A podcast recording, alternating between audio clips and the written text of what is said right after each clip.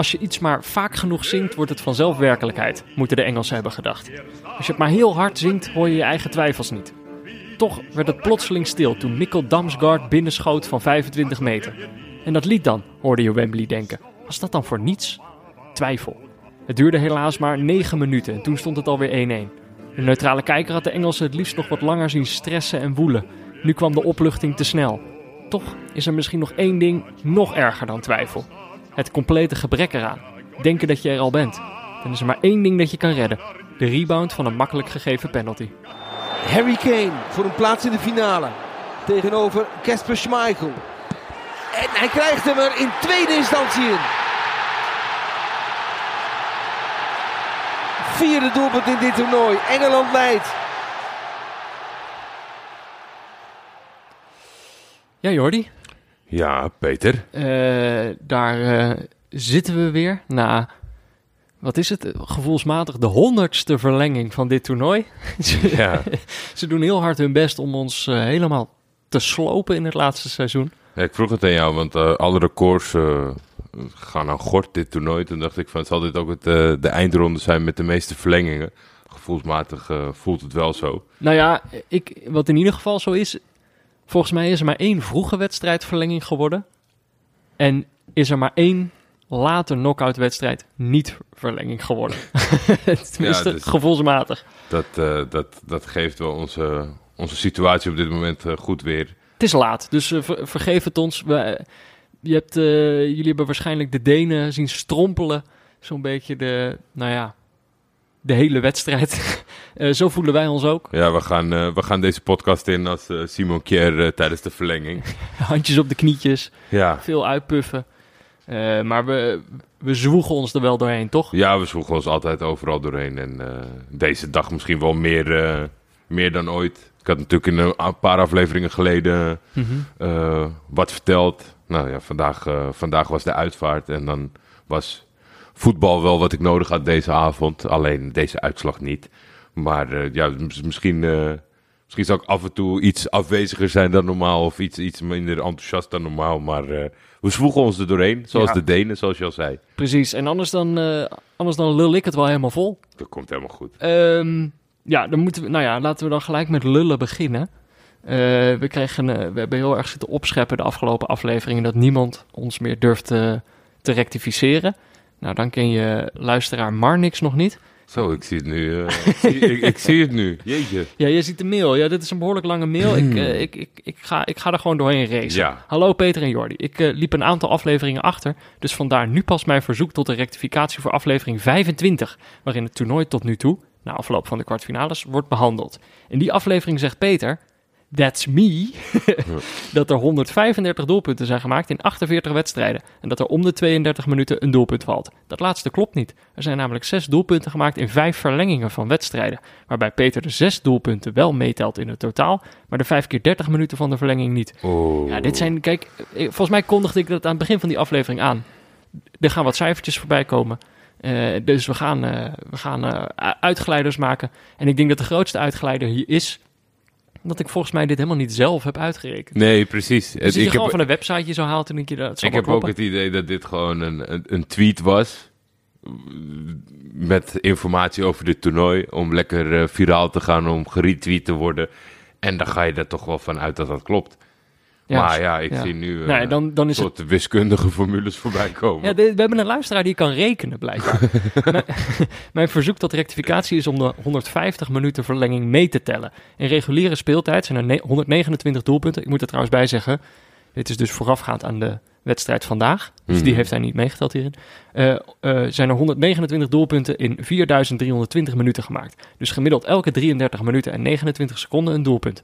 In de verlenging zijn er zes doelpunten in 150 minuten gemaakt. Ofwel gemiddeld elke 25 minuten een doelpunt. Totaal gemiddelde van reguliere speeltijd plus verlengingen geeft 135 doelpunten in 4470 minuten. Oftewel elke 33 minuten en 7 seconden een doelpunt. Vind ik nog steeds indrukwekkend. Hierbij heb ik de blessuretijd niet meegerekend. Ik wil daarnaast een verzoek doen om de blessuretijd ook mee te tellen. Het hele toernooi tot en met de kwartfinales is er in totaal ongeveer 327,5 minuten aan blessuretijd gespeeld. Oh, maar niks. Je komt alleen maar stunten met cijfers, cijfers op cijfers op cijfers. En nu kom je met totaal ongeveer. Ik had hem de prullenbak ingegooid, deze rectificatie vanaf dit punt hoor. Ongeveer 327,5 minuut eh blessuretijd gespeeld. Dit komt neer op gemiddeld een kleine 7 minuten per wedstrijd die de neutrale kijker voor de buis zit. Waarin onder andere Viola Hongarije geheel onverwacht op voorsprong zet tegen Frankrijk. Pasalic met zijn gelijkmaker tegen Spanje een verlenging afdwingt. Lukaku de generatie Belgen hoop geeft op een comeback tegen Italië. Of de verdediging van Engeland een saaie rondo speelt tegen de uitgebluste aanvallers van Oekraïne. In deze 327,5 minuut blessuretijd zijn 9 van de 135 doelpunten gevallen. Waarmee het uiteindelijke aantal minuten per doelpunt eigenlijk op 35 minuten en 32 seconden komt. Minder indrukwekkend. Eh, tot slot hoop ik dat Louis van Gaal een keer in neutrale kijkers wil komen uitleggen wat er zo leuk is aan voetbal kijken. Mocht het zover komen, dan mogen jullie daar best een seizoen of twee voor uittrekken. Met vriendelijke groet, maar niks. Kijk, ehm, ik wil deze rectificatie honoreren met opnieuw de kanttekening dat ik deze berekeningen net zo klakkeloos aanneem als de berekeningen die ons deze rectificatie hebben bezorgd. Jij hebt dit niet eh, vanmiddag eh, zitten herberekenen. Ja, ik ben niet gek. Ik, eh, ik, gun, ik gun dit Marnix gewoon en dankjewel voor, eh voor het rekenen. En ehm, ja, het is, het is nu allemaal alweer achterhaalde informatie. Ik weet niet waar we nu precies staan. Ehm, nou ja, die, die rondo van Engeland tegen uitgebluste aanvallers hebben we vandaag ook wel weer gezien. Doet extra pijn, pijn om dat nu te lezen. Ehm, ja, zullen we dan gewoon naar de wedstrijd gaan? ja, laten we maar doen hè. Het is, ik vind het moeilijk ehm, om nu enthousiast eh, hierin te gaan. Ja, Eh, de, de wedstrijd was... Ik kreeg een eh, beetje vieze smaak bij deze wedstrijd. De wedstrijd was te meeslepend voor de neutrale kijker. Ik denk dat wij gedurende de wedstrijd een te uitgesproken mening, een, een te uitgesproken voorkeur hebben gekregen. Ja, En niet in eerste instantie al vanwege de landen. En later kwam daar nog een soort van. Ook het vertoonde spel. ja, maar er kwam ook nog een externe factor bij. Die eigenlijk alleen eh, de wedstrijd eh, moet begeleiden. Dat heeft volgens mij ook nog wel een beetje onze kant op geduwd gedurende de wedstrijd. Ja. De arbitrage. Ehm, maar laten we dan gewoon eh, bij Beginnen hoe het ooit begon. beginnen bij het begin. Hoe- Dolberg mocht in de basis beginnen in plaats van eh Palsen. Ja. En Engeland die ging eh, deze wedstrijd proberen de nul te houden met een back four. Dat was natuurlijk van tevoren een beetje de discussie. Ze hadden meerdere dingen geprobeerd dit toernooi. Ja. Drie achterin of vier achterin. Nou, deze keer besloten ze dus dat ze het met vier wel konden redden tegen de Denen. Voorafgaand aan de wedstrijd heb ik nog eh, naar een stukje duiding zitten kijken van Studio Europa. Die hadden een Deen in het publiek, tenminste een vrouw met een Deense vlag en een Deens shirt en een Deense hoed op. Of nou ja, een Denemarken hoed. Ik had hier ook over getweet. Toen kreeg ik al de vraag van wat bedoel je daar precies mee? Maar het is gewoon eh, een, een rood-witte hoed. Een hoed die, de, die het motief van de vlag draagt. Het is, de, de hoed is niet dubbelzinnig over wat de boodschap, boodschap is. De boodschap is Denemarken. En ze vroegen die vrouw, die zich zo had uitgedost... Wie denk je dat er gaat winnen? en ze zei Denemarken. 1-0. Eh, Toevallig nee, heb ik een keer... eh, jawel. Zei ze 1-0 erbij? Ja, ze zei 1-0, want die, volgens mij zei de, meneer naast haar, die was eh, Engels. Die Mhm. werd, werd ook in het Engels gevraagd wat hij ervan verwachtte. What en do hij you think? zei easy peasy. En toen zei deze mevrouw, nou, ik denk gewoon Denemarken 1-0. Maar ik heb, eh, ik heb dus, eh, ja, als een van de weinige keren dit keer ook een stukje Studio Europa meegepakt. Wat ik, wat ik leuk vond, was eh, een passage van, eh van Snijder over Damsgaard. Die Mhm. was daar echt... Damsgaard, moet je zeggen. Damsgaard. Daar was hij super, super enthousiast over. Maar dan zie je dan weer net dat, ja, als, hij, als je dan een beetje doorvraagt, dan werd hij, uiteindelijk werd Snijder dan toch weer een soort van terughoudend van, is hij dan echt goed? Is hij klaar voor de stap eh, omhoog? En dan was het, ja...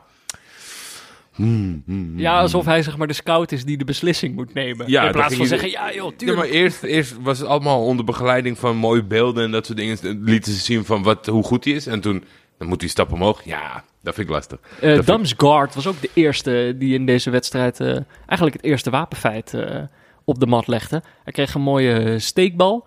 Leek er ev- even op dat hij alleen op, eh, op Pickford af kon.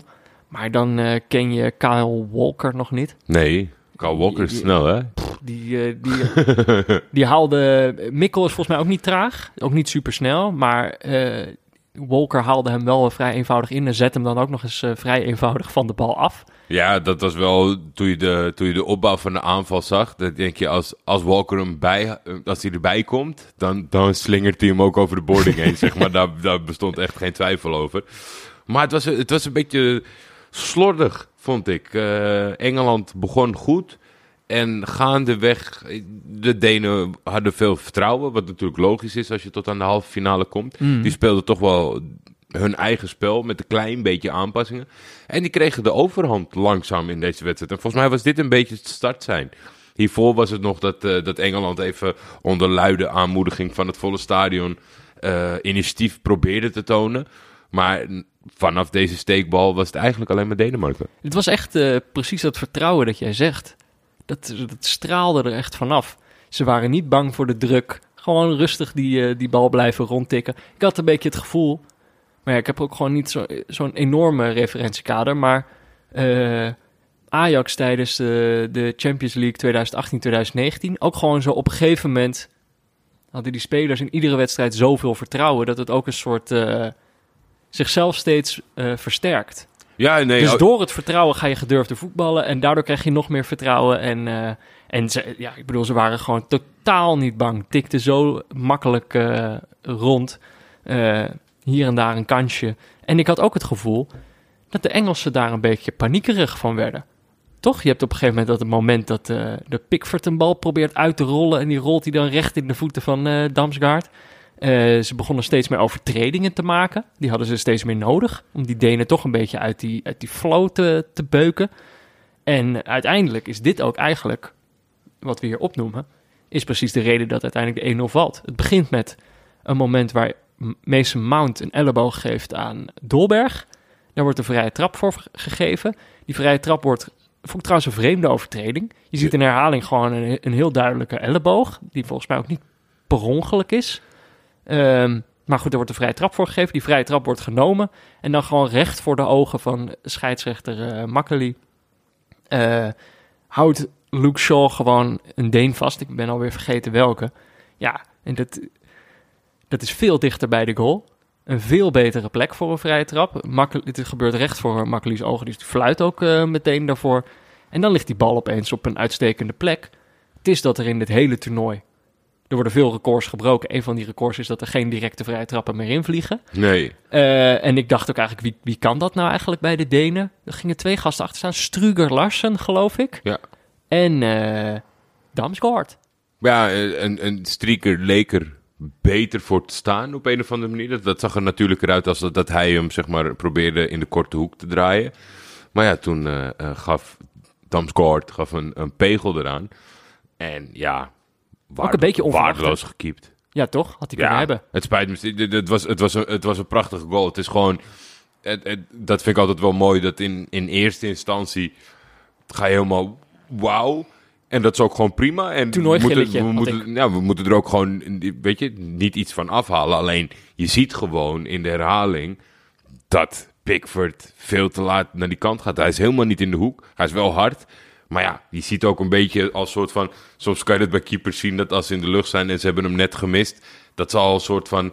Balen. Ja, balen en Al duikend balen. excuses aan het verzinnen zijn in hun hoofd. Van ja, wind in mijn oog.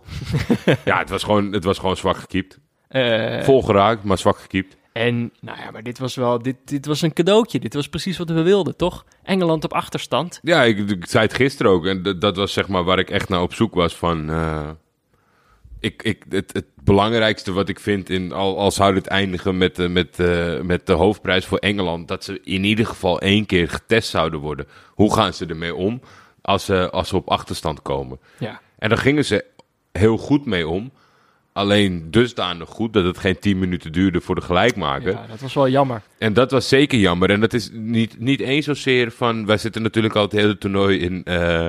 eh, goed voor de wedstrijd, slecht voor de wedstrijd.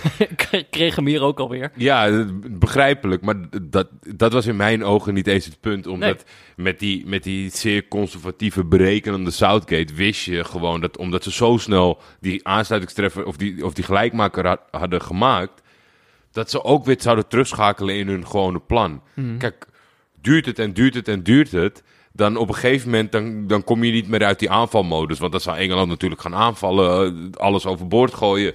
En als dat dan pas in de 60ste of 70ste minuut tot iets resultaat geeft, dan, dan ga je niet denken: oké, dan gaan we nu weer terug naar ons basisplan. Alleen ja, 10 minuten. Ja, eh, amper. 10 minuten nadat je achter bent gekomen en wat is het, eh, ook 10 minuten voor rust. Ja, dan ga je gewoon de wedstrijd opnieuw aanvliegen. En het was ook, eh, het was gewoon een, een goede goal ook. Absoluut. Eh, mooie steekbal op eh Saka. Van, Ze, ze, trokken, ze trokken absoluut Denemarken uit elkaar. Denemarken wat goed georganiseerd stond. Mhm. Maar ze wisten het dusdanig uit te lokken dat, dat het blokje op het middenveld, wat is het, Jeuberg en, of nu ga, ik, nu ga ik iedereen gek uitspreken, De die twee, ja, die, die, die misten toch even een fractie van een seconde, waardoor fucking Harry Kane een fantastische steekbal kon geven op Saka. En Saka tikte hem breed. En ja, dan was het een kwestie, maak Sterling hem of maak Kier hem. Ja. Kier deed het maar. Ja, keer dacht dan doe ik het wel op. Ehm, ja, dit was gewoon te snel. Ik had die, eh, ik had die Engelsen wel een beetje. Ze hadden, nog niet, ze hadden nog niet de tijd gekregen om echt in de stress te raken. Nee, precies. En dat was denk ik echt leuk geworden. Dat ze echt eh, mannen naar voren hadden moeten sturen en eh, andere dingen hadden moeten gaan proberen. En ik denk dat Denemarken in principe ook een ploeg is die, die langer een voorsprong zou moeten kunnen vasthouden. Normaal Maar- gesproken wel. Dit was echt gewoon een momentje van collectieve onoplettendheid. En die, die, die kwam gewoon snel, omdat... Kijk, Engeland... Ze hadden de bovenhand ten opzichte van Engeland. En, en Engeland ging even gas geven. En dat, dat, ja, dat hadden ze beter moeten verwerken, zeg maar. Om dat langer uit te stellen. In ieder geval tot in de rust. Want ja, dan ga je toch... Dat kwartiertje, dan gaat het meer in de kopjes zitten. Ja. Dan gaat Engeland eh, bij de aftrap eh, Ja, proberen extra aan te vallen. Wat beelden van Wembley, gewoon van een paar van die Gewoon- gasten die, die, die zich totaal niet, eh, die helemaal misselijk worden. Dat Ja, was het, eh, was het ze maar gewoon gelukt tot aan de rust minimaal. Ja. Ehm, weet je wat denk ik ook gebeurde? En dat was dan nog wel in ons voordeel. Na die goal, die gelijkmaker, Engeland vierde dat als de winnende.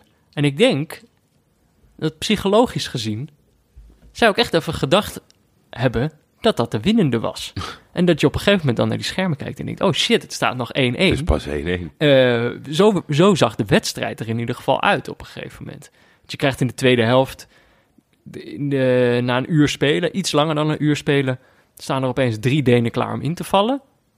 Dan, kan, ja, dan denk je, hè, is dit, eh, gaat, gaat Julmand eh, iets proberen? Gaat hij nu iets uit zijn hoge hoed eh, toveren om de Engelsen te overtroeven? Was, Norgaard en Paulsen kwamen voor Struger, Larsen, Damsgaard en Dolberg. Ja, en ik ben toch bang. Ik, ik, ik, ik zei tegen jou dat ik, ik ben geen voorstander van zulke massale wissels. Maar ik denk ook met zijn keuzes dat hij hier de kans, de kansen van de Denen de nek omdraait. Ja, omdat hij daarna niet meer aanvallender kon wisselen misschien. Ja, heel moeilijk zeg maar. Met, met Damsgaard is het waarschijnlijk wel dat die jongen eh, het, het, het, ja, misschien wel de Donjan Malen is van, van Denemarken. Dat, maar, eh, dan is de kaas op. Jelmond nu is voor de Deense tv staat te vertellen inderdaad dat de kaas op is bij hem. Maar ja, ook in combinatie met Dolberg, die toch ja, niet misschien super actief in de wedstrijd betrokken was, maar daardoor waarschijnlijk nog genoeg energie had. En als hij dan een keer in de gelegenheid kwam, of als er een bal Het voor is zijn er wel één die dat Ja, kan. het is wel gewoon eentje die de trekker over had. En, en ja, ik vond dit een, een, een, een verkeerd vroeg signaal. Ja, Alleen, maar- we hebben natuurlijk de vorige wedstrijd, had ik ook al aangehaald, van... Jij vertelde over de Denen zo mooi hoe ze konden razen. Dat was in het Nee, laatste duel al eh, minder. Die zijn al een tijdje uitgeraasd. Het, het pijpje is een beetje leeg. En waarschijnlijk heeft hij daarom deze Precies. wissels moeten doen. Dat- maar hier draaide was het. Hier draaide die voor mij wel de nek om van de kansen. Nou Die ja, zouden- eh, kijk, dit was eigenlijk... Je denkt, waarom een driedubbele wissel? En heel kort daarna zie je gewoon... Oh, die, al die Denen kunnen helemaal niet meer lopen. Nee. En eh, dus dat was denk ik eh, inderdaad gewoon, gewoon de reden. Niet meer helemaal fris. Ze kwamen de, de middenlijn eigenlijk nauwelijks nog over. Ehm, het zegt ook wel wat dat de beste speler aan hun kant na een tijdje toch ook wel Schmeichel bleek te zijn. We hebben hem nog niet genoemd. Maar voorafgaand aan de 1-1 van Engeland had hij al een paar ballen gepakt. die hij niet per se had hoeven hebben. Ja. En eh, ook in de tweede helft heeft hij een hoop ballen gepakt. Dit klinkt wel als een natuurlijk momentje dat ik, dat ik iemand anders eh, van lof wil voorzien. Oh, En dat is, eh, Yannick Vestergaard. Oh, ja. ja. En dat... Die lange. Ja, die, die, die hele lange, soort van uit, de, uit beton gepikhout wilde gozer. ja, ik, ik vond hem gedurende de wedstrijd... Ik had het in de eerste helft dat ik het al opgeschreven. Want hij begon met een paar ja, van die heerlijke kopduels te winnen, zeg maar. Waarin misschien, weet je, het, het, het, het is dan niet eens een bal die, die spannend kan worden of zo. Maar dan met zoveel, zoveel overdaad eroverheen knallen. Weet je, gewoon even een signaal geven van... Luister, jij kan hoge ballen gaan vragen, maar vandaag niet bij mij in de buurt, Ja. zeg maar. Dan knalde hij erover en kopte hij ze weg. En ja, hij, het, het, het klopt ook niet helemaal, zeg maar, wat hij allemaal kan doen. Hij is veel te lang voor hoe goed hij kan voetballen. Of andersom, hij kan te goed voetballen voor hoe lang hij is. Meestal wordt het dan een beetje stuntelig. Ja, en dan denk je van, oh, dat is de lompe centrale verdediger die alles alleen maar kan wegkoppen. Maar deze gozer, in de vorige wedstrijden was hij al opgevallen. Want eh, ze zitten dan natuurlijk goed in hun centrale verdedigers. Met de ultieme captain in, Simon Kjær. En die Christensen is ook gewoon lekker van Chelsea. Maar ik vond vandaag Vestergaard wel echt... En ik heb dat niet zo snel met een verdediger, Nee. dat ik daar echt van kan genieten. Het ging op een gegeven moment ook echt opvallen dat hij eh, gewoon ballen, strakke ballen naar de spits eh, begon te spelen. Ja. door de linies heen. Ik denk dat hij misschien wel voelde hoe ik thuis trots op hem aan het wezen was. dat het afstraalde op hem. Want ja, wat jij zegt, op een gegeven moment begon hij ook nog het spel te verdelen. Toen dacht ik van, nou, dat is misschien niet helemaal de bedoeling. Maar als jij, ik ben het helemaal eens met de complimenten voor Schmeichel. Die heeft echt paar cruciale momenten eh, ballen tegengehouden. Maar ik heb zo ongelooflijk genoten van Vestergaard. Dat is echt niet normaal. Nu komen we bij de vieze smaak. Die, die wij eigenlijk in de mond hadden aan het begin van deze aflevering. Ehm, en dat begint bij mij eigenlijk bij- een moment dat aan de, de zijkant van het eh, Deense penaltygebied eh, een afgeslagen bal. Eh, Kane is die bal aan het afschermen. Er staat natuurlijk een verdediger in zijn rug die, hem, eh, die goed tegen hem aanleunt. En Kane laat zich gewoon eh, omvallen. Ja. Gewoon, zeg maar, die gaat het duel gewoon niet meer aan. Natuurlijk val je dan om. En Makkely geeft hem gewoon die vrije trap. Echt, Kane pakt ook die bal. Een beetje wat Matthijs de Ligt doet. Natuurlijk wel op een, op een gekkere plek. Maar, en, en als verdediger in plaats van als aanvaller.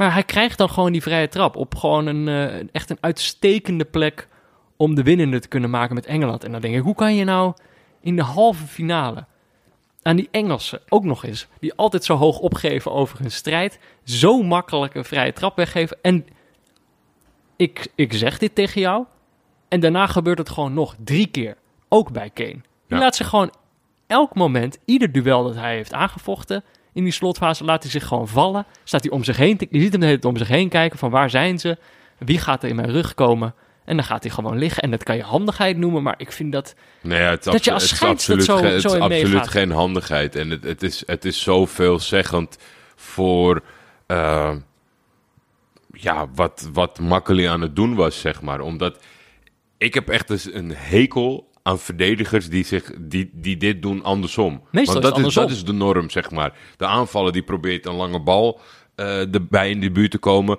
En de verdediger, zodra die eh, iets voelt, Ja, al is het een nageltje, gaat hij naar, valt hij voorover, krijgt hij vrij trap mee, omdraaien, een spel gered.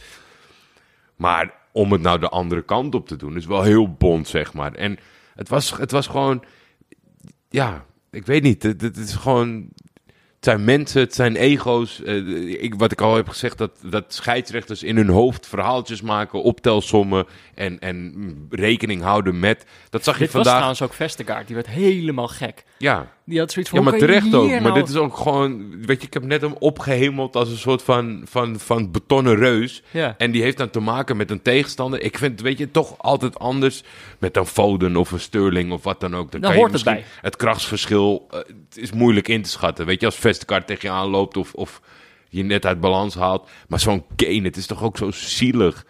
Hoe kan je nou, weet ik veel, je kinderen, je kleinkinderen moeten zo'n wedstrijd terugkijken. En dan denk je, oh papa, die was, eh, opa, die was eh 2 meter 10 Ja. en die was 110 kilo. Maar eh, die, bij elk wissel was lag je op de grond. We zijn hier in Nederland natuurlijk ook niet vies van dat je een soort verhaal verzint over je eigen land en je eigen voetbal, wat gewoon eh, na enkele decennia gewoon al lang niet meer strookt met wat er op het veld gebeurt. En dit is natuurlijk met die Engelsen, die zich het hele toernooi lang, eh, zeg maar, over iedere VAR-beslissing eh, kan, kan Gary Lineker het niet laten om toch te laten weten hoe, hoe de opvattingen in Engeland zijn over spelers die, eh, weet je, over hoe makkelijk er gefloten wordt tegenwoordig. En ik vind dat contrast maakt het gewoon extra vies. Ja, nee, maar dat ben ik het uh, hartstikke met je eens. En ik hoop dat eh, James Worthy nu thuis eh, twee vingers in zijn oren doet. Want ja, weet je, ik had ook echt in de slotfase...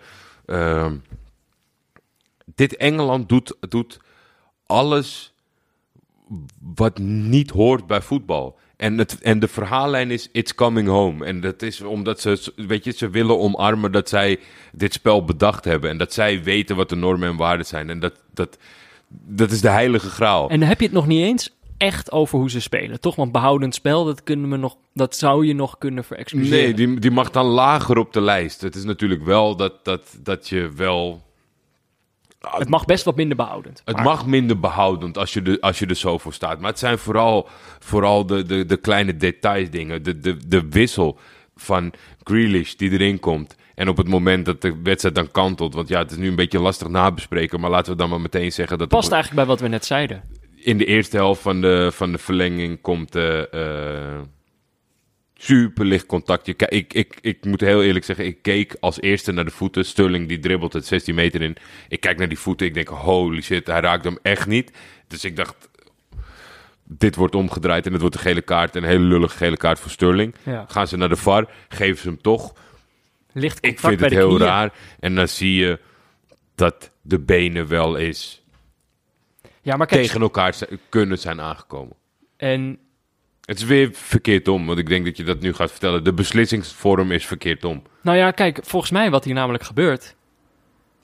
In die snelheid waarin Sterling, en dat moet je wel zeggen, die, hij had het hiervoor al drie keer gedaan. Tot de deze 122e minuut. Dat is echt niet normaal. Dus eh, het zat er ook wel een beetje aan te komen. Maar ik snap dat je in die snelheid denkt, dit is een penalty. Maar dit is natuurlijk een beetje de rare positie waar scheidsrechters nu in zitten. Is dat je die, die VAR hebt, eh, die dingen ook nog kan checken op het moment dat jij daar niet voor fluit. En wat je volgens mij, en iemand die hier meer verstand van heeft, zou dat even moeten uitleggen, denk ik. Maar volgens mij wat er gebeurt is, doordat Makkeli fluit, kan de VAR het niet terugdraaien omdat er licht contact is geweest. Er is contact geweest, dus Dat niet klopt. een clear and obvious eh, error. nu durft de VAR durft hem niet te overrulen als een, als een grove fout. Nee, terwijl stel dat Makkeli had gezegd, I don't know, speel maar even door. Als het echt wat was, dan bellen ze me wel. Ja, Dan belt Paul van Boekel wel. en dat is ook wat er gebeurt. Nou, dat, is, dat is in de meerdere wedstrijden dit toernooi zo geweest. Je speelt door, valt het spel even stil, zeggen ze potential penalty check. Kijken ze, zeggen ze makkelijk, je zat fout. Of ze zeggen makkelijk, ga maar door. Ja, en dan denk ik Maar de dat de VAR hier nooit voor gebeld had. Snap je? Nul, nul procent. Nul procent. Maar dat is ook de arrogantie van de scheidsrechter in dit tijdperk om te zeggen van, ik vind dit een penalty. Ja, ik, kan, ik kan de scheids denk ik ook nog vergeven Oh, dat, ik het, niet. dat het raar is om dit soort afwegingen te maken, omdat je eigenlijk natuurlijk gewoon gewend bent dat je als scheids de beslissingen neemt en dat het natuurlijk wel vreemd voelt om dat dan over te laten aan de VAR. Dus ik snap wel Ja, dat je dat graag niet- wil doen. Dit was vanavond niet het debuut van de VAR, hè? Nee, en dit was ook de halve finale van het EK. Ja, en als je dan daar staat te kijken, je neemt in acht eh, Sterling, zijn bewegelijkheid, zijn snelheid en, en, en, en het belang daarvan, dan moet je gewoon nu, maar dan zit je weer met al die ego's in de war, want oh, het is een, het is een schande, het is een belediging, het is, een, het is een, een, punt aftrek als je de VAR nodig hebt. Dat zit ze allemaal in de weg. Het is, niet, het is echt niet zo dat hij 100% overtuigd is. Hij is, wil gewoon die beslissing nemen. ja. Eh, en dan komen we dus, na deze goal, komen we bij de dingen... Ja, wat ik, wat, wat, eigenlijk- ik, wat, ik- daar kots ik van. Als zo de, dronken Engelsen olé gaan doen tegen de Denen, waarvan de, de, de, de captain niet meer kan lopen. Eh, eentje van het veld is afgelopen, waardoor ze een, een veldspeler minder hebt. En dat je dan de cornervlag gaat opzoeken. Ja, die Twintig keer naar achteren pasen, tot aan je keeper. En dan olé's gaan roepen. uitfluiten hebben ze ook gedaan. Uitfluiten. Nou ja, weet je Peter, dan, dan kan je nog behoudend voetbal. En Southgate en die Grealish dan, dan nog afhaalt om Trippier in te brengen. Om het nog meer dicht te timmeren. Dit allemaal.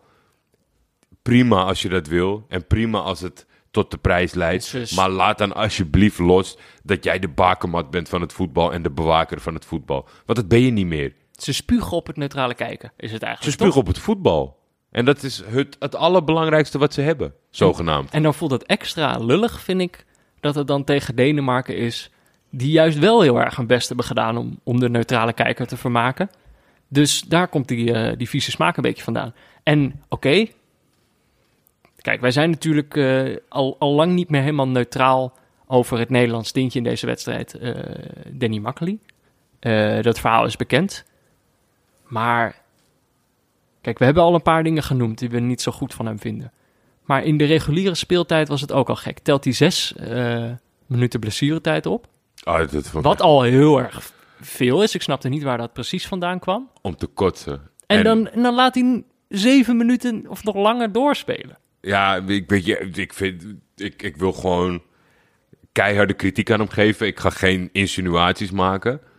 Maar de, de, de rekensom is wel snel gemaakt, zeg maar. Engeland bleef lekker in de aanval, speel maar lekker door, jongens. Terwijl, wat ik normaal goed vind... dat teams die spelen gedurende de reguliere speeltijd... die voorstaan of een resultaat nodig hebben om tijd te rekken. Als je die dan straft met een blessuretijd, niemand durft dat echt. Meestal vier minuten, vijf minuten, oké.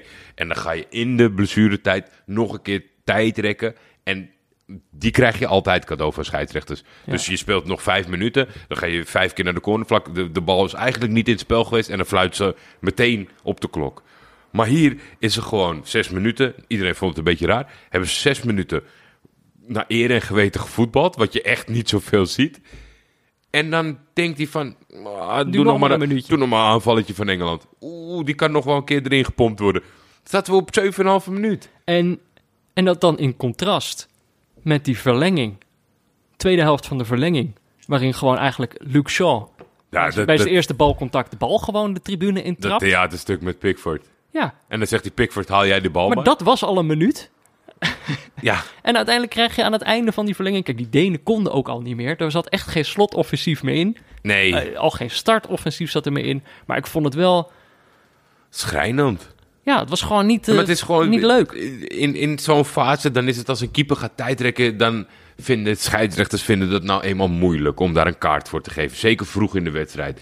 Maar nu help je ze een soort van, denk je van, jij kan tijdrekken. Ik weet nog een manier om je langer Ja, te tijd ga zelf de bal Ga maar maar halen. zelf de bal halen, dan leg je hem terug en dan ga je iedereen naar voren sturen en dan ga je nog een keer links en rechts kijken. Nou ja, wat, ja, ik vond het echt een aanfluiting en het was voor ons een beetje een lastige situatie, omdat wij eh, heel erg begripvol zijn naar de, naar de grensrechter die, eh, die die heeft laten vallen als een baksteen. Mhm. Eh, tot aan dit moment hebben we daar ook helemaal niet proberen ons gram te halen of wat dan ook. Hij floot goed, maar hij is vandaag wel echt gefaald. Echt Ja, gefaald. Ik ben benieuwd Dat- eigenlijk of er nog veel gaat nagepraat worden over die... eh, nee, want penalty. zondag is het eh, team Kuipers en dan zijn we makkelijk vergeten. en dan moeten we toch weer die eh, bos wortel op ons hoofd zetten. Ja, ja. Nou ja, het, wat weet je wat dan wel weer neutraal van ons is? Dat we toch durven kritisch te zijn op het Nederlandse tintje. Ehm, ja, Jordi, wat moeten we er verder nog over zeggen? Engeland naar de finale. Eh, Italië, Engeland. ja, Italië-Engeland wordt de finale. Ik, ik moet dan toch heel eerlijk bekennen dat ik, als ik dit allemaal heb gezien van die Engelsen, dat ik stiekem wel een beetje hoop dat ze, dat ze die deksel. eh, want ze gaan, ze gaan heel hoogmoedig deze wedstrijd uit. Dat was een beetje mijn gevoel. Ehm, en dat, dat het niet helemaal geoorloofd is naar wat ze eh, laten zien. Dus ik, ergens voel ik de hoop. En die is niet heel neutraal, dus ik moet misschien tijdens de rustdagen een beetje proberen om dat, eh, die neutraliteit te herwinnen. Maar ik hoop eigenlijk dat ze die deksel knoerthard op de neus gaan krijgen. Ehm, maar goed, laten we dan naar, gewoon naar wat, eh, naar wat serieuzer eh, commentaar in de diepte gaan van eh, Pieter Zwart. Kijk een pressing. Kijk een pressing.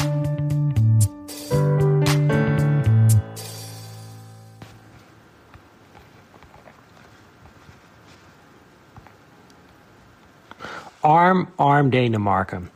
Toen afgelopen week bekend werd dat in de Eredivisie ook komend seizoen vijf keer gewisseld mocht worden, vroeg ik me af of mensen begrepen hoezeer dit de topclubs in de kaart speelt. Zij kunnen vanaf de bank vaak gelijkwaardige kwaliteit brengen. Of spelers met andere wapens die een opening kunnen forceren. Waar de underdog met de wissel vaak kwalitatief achteruit gaat. Dat maakt het verschil bij Engeland-Denemarken. De thuisploeg bracht extra sterren in. Denemarken moest het doen met voetballers van Brentford en Kopenhagen, zodra de basisspelers moe begonnen te worden. De extra wissels zijn goed voor de spelers die totaal overbelast worden met een vol schema, maar voor de sport is het soms jammer. omdat dit de favoriet helpt te winnen tegen een underdog die dapper stand houdt. Gegenpressing. Gegenpressing. Nou, we hebben Pieter aan onze zijde, eh, Jordi. Dat in ieder geval wel. Eh, ik ben mijn koptelefoon vergeten, dus ik ga het morgen terugluisteren. Ehm, ja, morgen beginnen, begin, eh, begint een lange reeks aan eh, rustdagen. We gaan straks eh, het tipje van de sluier lichten wat we dan gaan doen. En nu een berichtje van onze sponsor.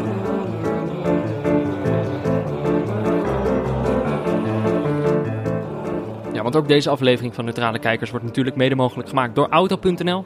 Auto.nl heeft deze zomer een perfecte autorijnummer laten maken door eh, Tim Knol. Maar de Neutrale Kijkers zitten natuurlijk vooral thuis op de bank voetbal te kijken. Daarom maken wij met Neutrale Kijkers deze zomer de ultieme EK-playlist. Samen met jullie. Ehm, iedere dag krijgt een luisteraar de kans er een liedje in te zetten en er een liedje uit te halen. En Jordi, ik zat te denken, ik heb eventjes eh, gerekend en nou ja, je kent me, dat is niet altijd een garantie voor succes. Onder 32 minuten een nieuwe playlist. Ehm, nee, maar ik zit te denken dat eh, dit volgens mij de, de laatste kans is. Want we krijgen drie rustdagen. En dan eh, mogen onze gasten het Oh, de gasten zelf bepalen. En dan hebben we de finale. Oeh, dus dit is de allerlaatste ooit. Ik denk het. Tenminste, van, van, van, van de buitenstaander. Maar kijk, en dan heb ik toch, denk ik, hebben we wel een heel mooie passende laatste die erin moet. Eh, ik zal het alvast Oh, een beetje verklappen. Ja, het is een, het is een lange mail. Eh, neem, nog, neem nog een slokje voordat je begint. Ehm, maar ik denk dat het een goede keuze is, omdat deze er namelijk een liedje in zet dat hij, dat hij zelf nog nooit gehoord heeft. Nee, ja, ik ben altijd degene die zegt van... eh, geef je mail een beetje, een beetje body mee. Nou, dat eh, is dat wel het- besteed aan eh, Martijn. Zou je het krijgen ook? Hallo Peter en Jordi. Wellicht is dit een vreemd verzoek, maar ik denk dat hij passend is voor de ultieme neutrale kijkers EK-playlist. Het is namelijk een nummer dat ik zelf nog nooit gehoord heb, maar zeker in de lijst past. Dat vraagt een korte toelichting. Twee wedstrijden voor het einde van het toernooi. Als jullie dit voorlezen, inmiddels één wedstrijd voor het einde. Kunnen we de hypothese doen dat dit misschien wel het beste toernooi ooit voor de neutrale kijkers is geweest. Een Deens sprookje, de hoop dat It's Coming Home doorhalen wat na vanavond van toepassing is. een ultieme neutrale kijkersdag met twee 3-3's. Italië dat opeens kan aanvallen, maar toch ook puur op de counter kan spelen. Penaltyreeksen waarbij je aan het einde geen nagels meer over hebt. Het afscheid van de betere Belgische generatie. En ga zo maar door. Bij de samenstelling van de playlist is het vaak gegaan over de leader van de NOS tijdens het EK. Het verbaasde mij dan ook dat de enige overgebleven leader nu Wen S. Passiert is. Dat notabene gebruikt is tijdens een WK. Het kan de leeftijd zijn. Inmiddels vader van twee kinderen waarvan de jongste even oud is als Fik. Schept een band.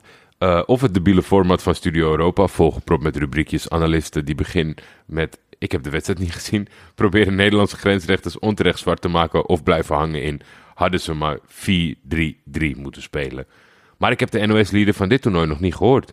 Na de wedstrijd zip ik weg of ga ik naar bed, omdat het eh, door de verlenging en de penalty stiekem toch wel weer laat is geworden. Ja. Ik ben daarom blij dat, het ochtends, dat ik ochtends een diepteanalyse in één minuut krijg van Pieter en Dublanco Bogarde me voorbereidt op de volgende wedstrijd. Wat ik wel dagelijks hoor is de ultieme neutrale kijkers streepje playlist, EK playlist. Welke ook zeer gewaardeerd wordt door mijn zoontje van vier. Als we een balletje aan het trappen zijn in de tuin, iets wat hij dagelijks uren kan volhouden, staat de playlist op repeat en schreeuwt hij mee met Magic in the Air, sprint hij op de klanten, eh, klanken van Carnaval de Paris en kent hij sinds gisteren ook Tachanka. wat eigenlijk mijn leader is van dit EK. Dank daarvoor, maar dit gaan jullie toch niet voorlezen. Oeps, ja. het, is, eh, het is zo laat geworden dat ik het gewoon wel voorlees. Daarom wil ik graag de leader van de NOS van dit EK toevoegen aan de ultieme neutrale kijkers EK-playlist. Zo wordt het toch nog een onderdeel van mijn EK-trip. Ook heb ik een nummer dat ik liever gisteren dan vandaag uit de ultieme neutrale kijkers streepje playlist zie verdwijnen. Tafet van Stromae. Ondanks dat de kleine hier best goed gaat op tijdens het voetballen, doet mij dit herinneren aan de betere generatie Belgen, die eigenlijk niet zo'n leuk toernooi hebben gespeeld. Mijn herinnering aan dit EK moet positief zijn en niet een uitgeblust elftal waarvan de achterste linie volgend jaar met pensioen gaat. Veel succes met de laatste loodjes. Ja, dus hij heeft dus... Hij zet de leader Ja. van de NOS dit EK erin. Ik heb dit volgens mij al een keer genoemd in de special met eh, Rick Kroef. over eh, voetbalmuziek.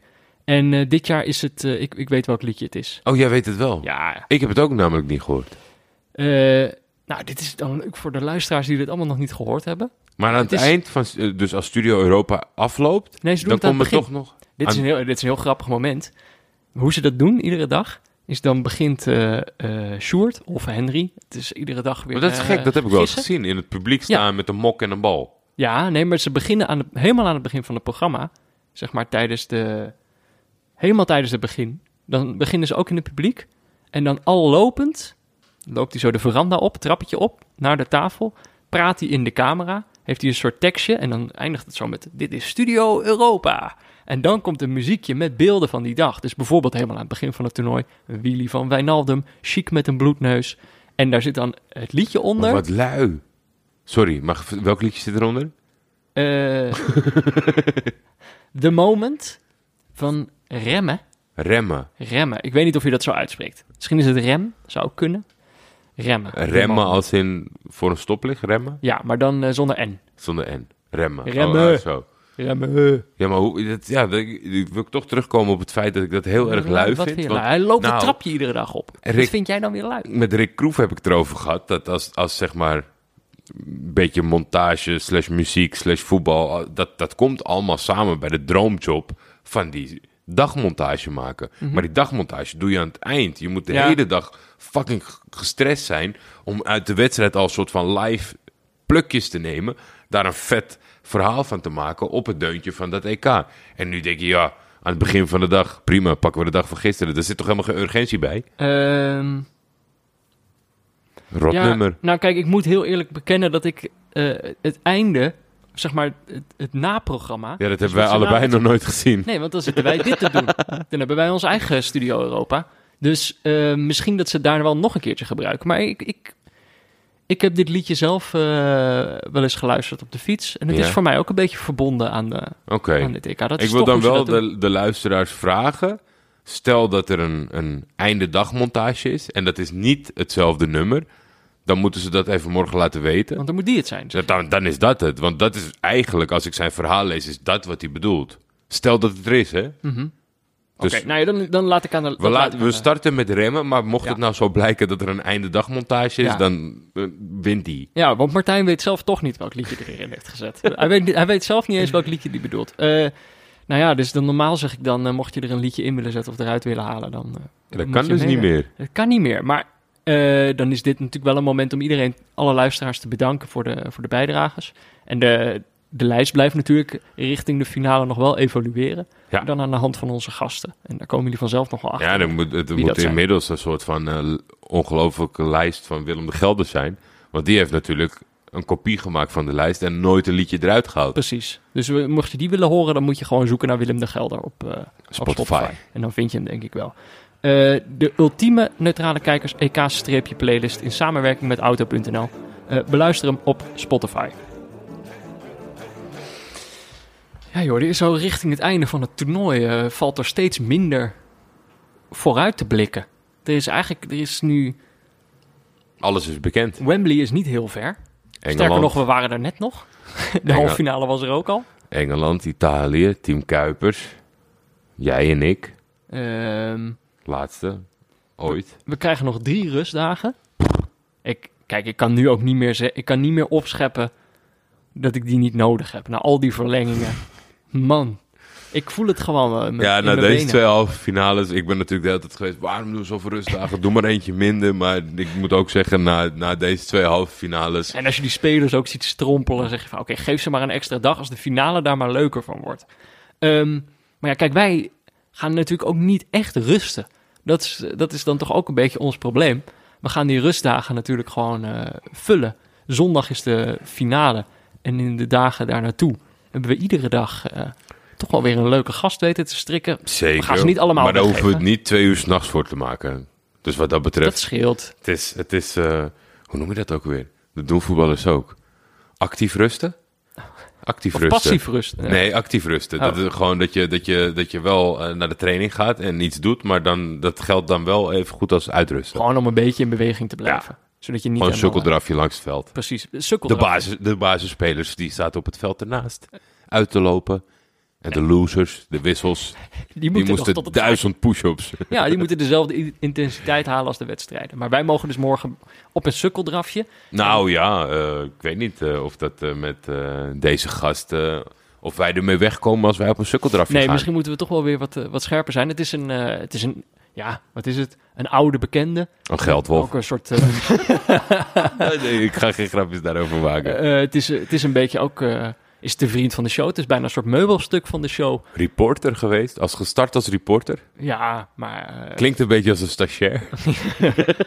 Nee, hij heeft inderdaad, toen we de Afrika Cup keken, heeft hij ooit eh, een van de spelers eh, het mobiele telefoonnummer weten te regelen. En Ja. heeft hij gesproken. En Joao Morelli, Oh ja. voor de echte kenners. De Braziliaan tijdens de Letse de, Etse- Estse derby. Volgens mij de Estse derby, ja. Eh, ja, dat is natuurlijk niemand minder dan, eh, dan Sam van Raalte. Ja. En we gaan eh, morgen met hem praten over alle verhalen die hij tijdens dit EK niet gemaakt heeft. Ja. Toch? Dat is eigenlijk een beetje het ding. En ja, als hij ze bij ons noemt, heeft hij ze dan niet gemaakt? Daar Dat, komen, we dan, ja. komen we vanzelf wel achter.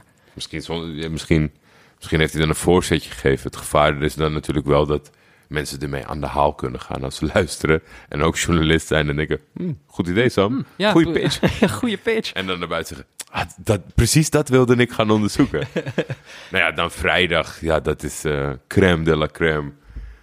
Een gigant. Daar geven we geen naam weg. Nee, oké. Die blijft geheim, toch? Mystery guest. Ja, maar ik, ik, kan, ik kan je wel vertellen dat soms, soms kunnen mensen denken dat we iets overcellen. Ik denk dat we het nu undercellen. Ja, prima. Prima. Dat is genoeg. Laat ze is maar genoeg. gek worden. En de dag daarna durven we wel te zeggen... Twee clowns. We sluiten af met twee clowns. De dag voor de finale hebben we de, de, de dag nee, voor, de- onze, zeg maar de- onze kanjers, Pieter Zwart en die Blanke Bogarde, Ja. die komen nog een keer langs. En dat is de dag van de finale. Die ochtend komt, eh, komt de voorbeschouwing eh, met die twee eh, online. Ja, en de terugblik en, en Alles. overkoepelend. Eh, ja, nou, dus we gaan eh, We hebben goud in handen. goed bewapend eh, richting de finale. Ja, en de neutrale kijker gaat natuurlijk die finale sowieso winnen. Dat is uiteindelijk ook gewoon... Ja, ik denk, ik denk dat dat misschien wel een goede finale boodschap is. Zeg maar, want Italië heeft natuurlijk in de laatste fase steeds meer geknipoogd met het verleden. Engeland die, die transformeert in een soort van historisch Italië wat dat betreft in, in spelopvatting. Ik denk dat de allerbelangrijkste boodschap is, ondanks dat we net eh, zeer neutraal gestart zijn aan de wedstrijd, maar ook gekleurd verslag ervan hebben wat- gebracht. Weet je, om het, om het positief af te sluiten. Sorry, dan mag jij daarna doorgaan nog even over de finale. Maar ik denk, kijk, Engeland heeft ons een, een vieze smaak in de mond gegeven. Maar een negatieve reactie is altijd nog beter dan apathie als neutrale kijker. Zeker. Dus eh, we zijn ze in ieder geval dankbaar dat ze het zo, dat ze het zo walgelijk hebben uitgespeeld. vandaag. Ja, maar er was een soort van, weet waar we het over hadden gehad, een, een, een strijd der stijlen. eh, Ja. En, en, en, maar ik denk dat we met z'n allen helemaal blanco die finale in moeten gaan. ja. Daar en dat we, niet, dat we niet moeten zeggen van ja, Italië wel leuk in de groepsfase, bla bla bla. En Engeland, die hebben aan de hand van de omgekochte Danny Makkely de finale bereikt. Dat moeten we helemaal loslaten. Ja. En we gaan gewoon genieten van een potentiële voetbalshow. Dat komt, eh, dat komt helemaal goed. Ehm, nou ja, Jordi. Nog maar één wedstrijd. Nou, Eén absurd. wedstrijd. Absurd. Vier podcast, één wedstrijd. Neutrale Kijkers is mede mogelijk gemaakt door Dag en Nacht Media. De hoofdsponsor op de borst is eh, Auto.nl.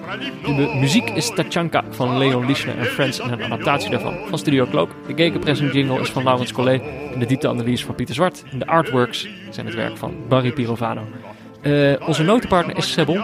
Vandaag eh, leeggekocht door eh, werknemers van Dag en Nacht Media. Ja, ik zag deze avond een, een selfie voorbij komen. Interessant. Die hebben lekker wat, wat nootjes gekocht. Dat kan jij natuurlijk ook doen.